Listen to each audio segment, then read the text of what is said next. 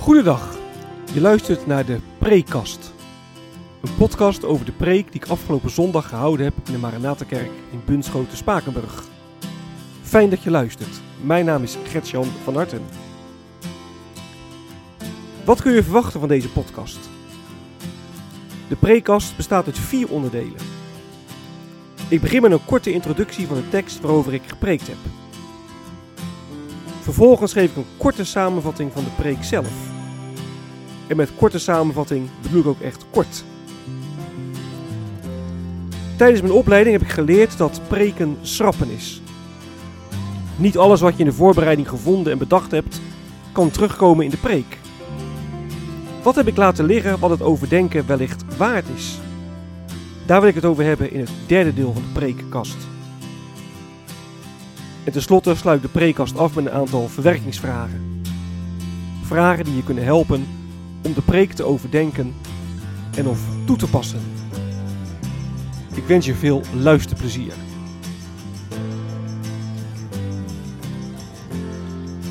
De tekst.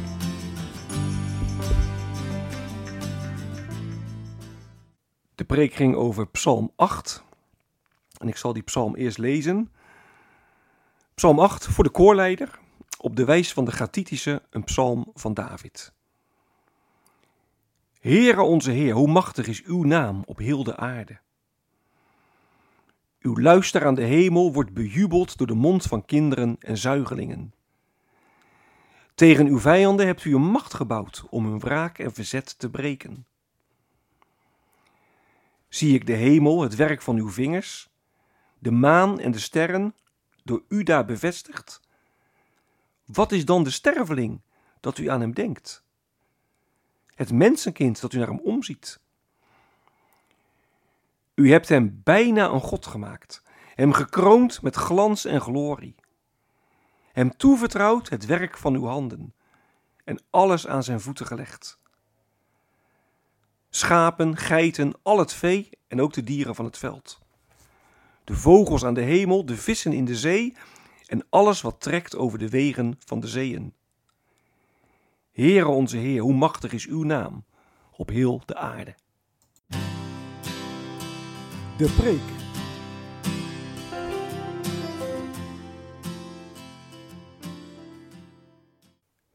Het thema van de preek was: Wie denk je wel niet dat je bent? 40.000 miljard kilometer. Zover staat de dichtstbijzijnde ster bij de aarde.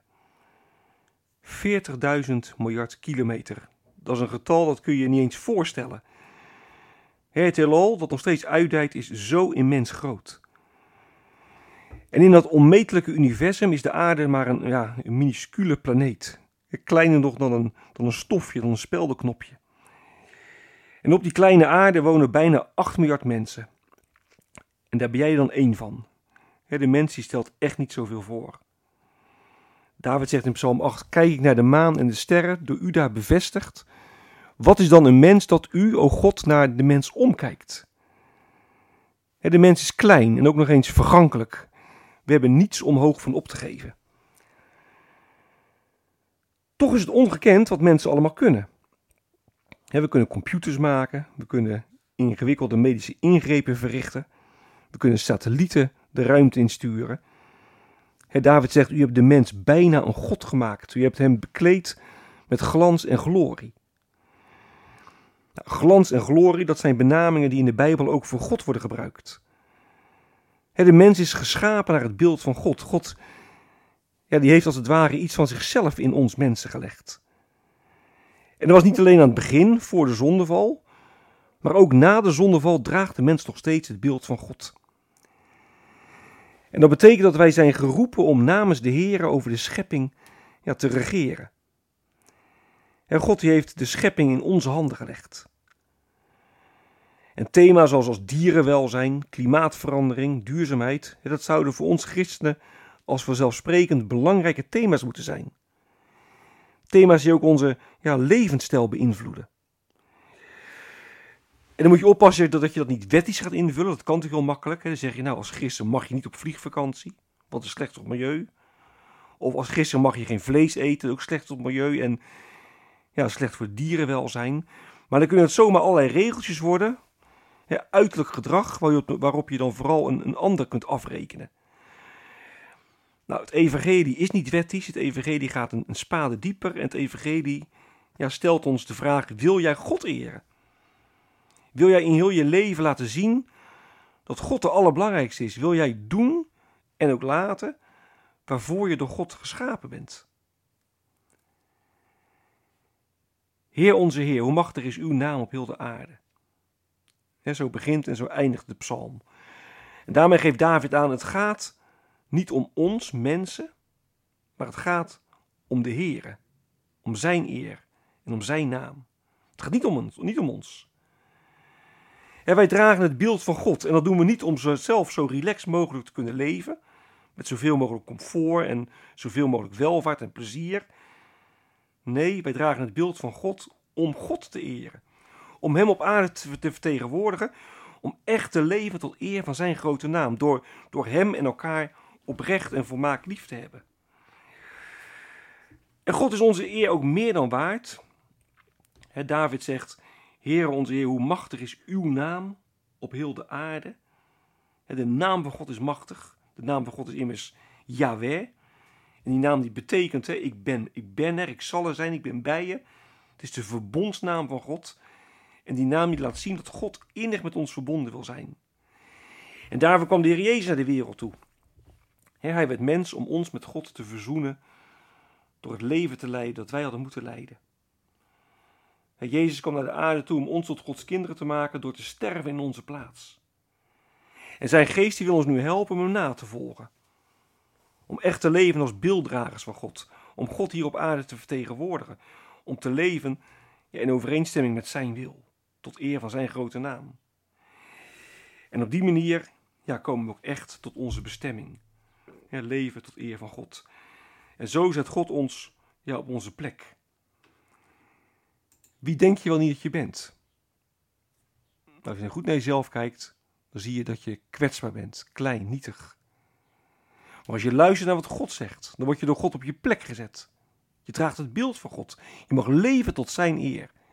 Wat een evangelie. Wat is blijven liggen?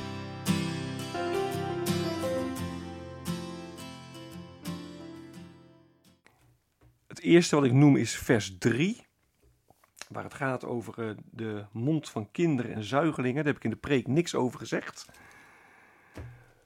Het eerste probleem met dit vers is al dat je niet precies weet hoe je het moet vertalen. Ik zal het ook even laten zien aan een drietal vertalingen. De vertaling van 1951, die zegt: Uit de mond van kinderen en zuigelingen hebt gij sterkte gegrondvest, uw tegenstanders ten spijt, om vijand en wraakgierige te doen verstommen. Nou, dat is een enorm ja, lastige zin, een moeilijke zin. De vertaling van uh, eh, 2000, de, de nieuwe Bijbelvertaling die zegt: U die aan de hemel uw luister toont, met de stemmen van kinderen en zuigelingen bouwt u een macht op tegen uw vijanden, om hun wraak en verzet te breken. En de nieuwe Bijbelvertaling, versie 2021, zegt: Uw luister aan de hemel wordt bejubeld door de mond van kinderen en zuigelingen. Tegen uw vijanden hebt u een macht gebouwd om hun wraak en verzet te breken. Drie echt ja, wel verschillende vertalingen. Nou, hoe vertaal je het nu precies? Dat is al een, een probleem op zich. En hoe leg je het vers dan precies uit? uit? Wat betekent het? De tekst wordt overigens uh, aangehaald uh, in uh, Matthäus 21. Dan zingen kinderen als ze Jezus zien, Hosanna voor de zoon van David. En dan zeggen de tegenstanders van Jezus heel boos van, nou laat de kinderen ophouden. En zegt Jezus, nee helemaal niet, want wat je nu hoort, wat je nu ziet, dat is Psalm 8. Ja, kinderen die maken, die maken groot. En ja, kennelijk uh, kan Gods vijand, kan de duivel daar niet goed tegen. Zo bouwt God een macht op tegen zijn vijanden. Maar wat dat dan precies is, die macht opbouwen tegen zijn vijanden, dat is een, ja, een, een, een vraag uh, apart. Waar ik dus verder in de preek geen, geen aandacht aan besteed heb. Het tweede wat ik wil noemen zijn de versen 5 tot en met 7. deze versies worden aangehaald in Hebreeën 2, vers 6 tot 8. En er wordt een beetje op een, een vrije eh, manier aangehaald. Daar gaat over dat eh, de mens voor korte tijd onder de engelen geplaatst is. Nou, daar lezen we in Psalm 8 niks over. Hebreeën 2 noemt dat wel. En de, de schrijver van de Hebreeën zegt dan, ja, het gaat in Psalm 8 om, om de mensenzoon Jezus. En hem is alle gezag onderworpen. En dat, dat zien we nu nog niet helemaal, omdat hij voor een korte tijd beneden de engelen geplaatst is. Maar Jezus nu al bekleed met eer en met luister. Dus Psalm 8 wordt er aangehaald op een, ja, een, een behoorlijk vrije manier. Dat uh, levert ook wel een aantal vragen op, maar ook vanuit Hebreeën 2 zou je dus een aparte preek kunnen maken over, uh, over Psalm 8. Hoe wordt dat aangehaald, wat ermee bedoeld? En hoe kun je deze psalm dan echt, echt heel erg uh, christocentrisch lezen? Ten slotte wil ik nog noemen dat je aan de hand van Psalm 8 ook kunt nadenken over een, een bijbelse mensvisie. deze psalm geeft wel de nodige bouwstenen voor. Het is heel opvallend dat er staat, u hebt de mens bijna een god gemaakt. Dan heeft David niet zozeer de Joden op het oog, maar uh, de mens, alle mensen. De mens is geschapen naar het beeld van God. Niet alleen zij die geloven in God, niet alleen die in zijn verbond leven. Maar wat betekent dat dan voor hoe je naar mensen kijkt, hoe je met mensen omgaat? Dat is een vraag waar je ook goed over na kunt denken vanuit Psalm 8. En wat is je, je mensvisie? Of de Bijbel zegt dat ieder mens geschapen is naar het beeld van God. Verwerkingsvragen.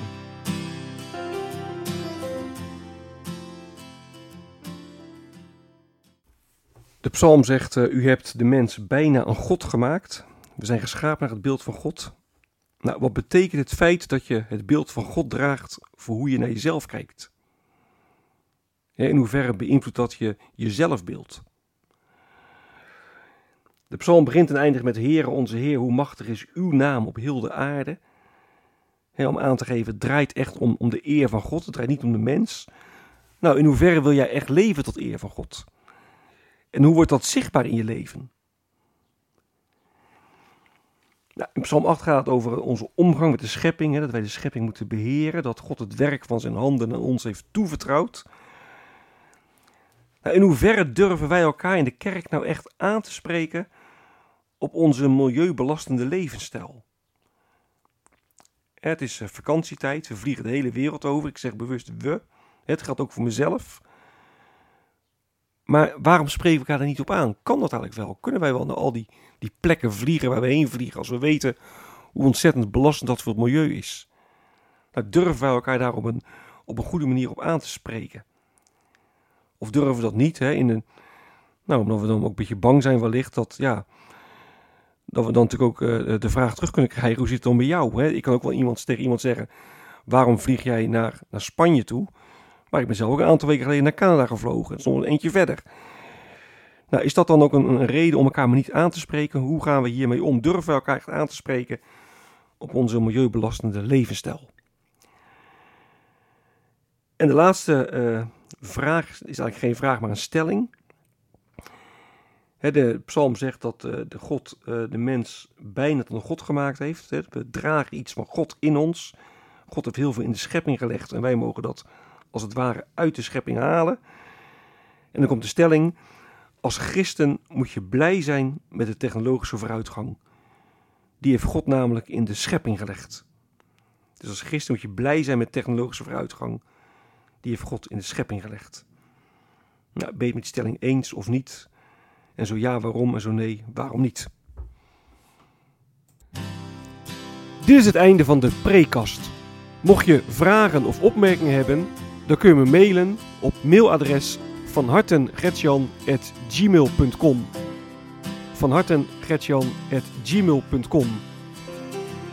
Ik wens je nog een hele prettige dag. Hartelijk dank voor het luisteren. En wie weet tot een volgende keer.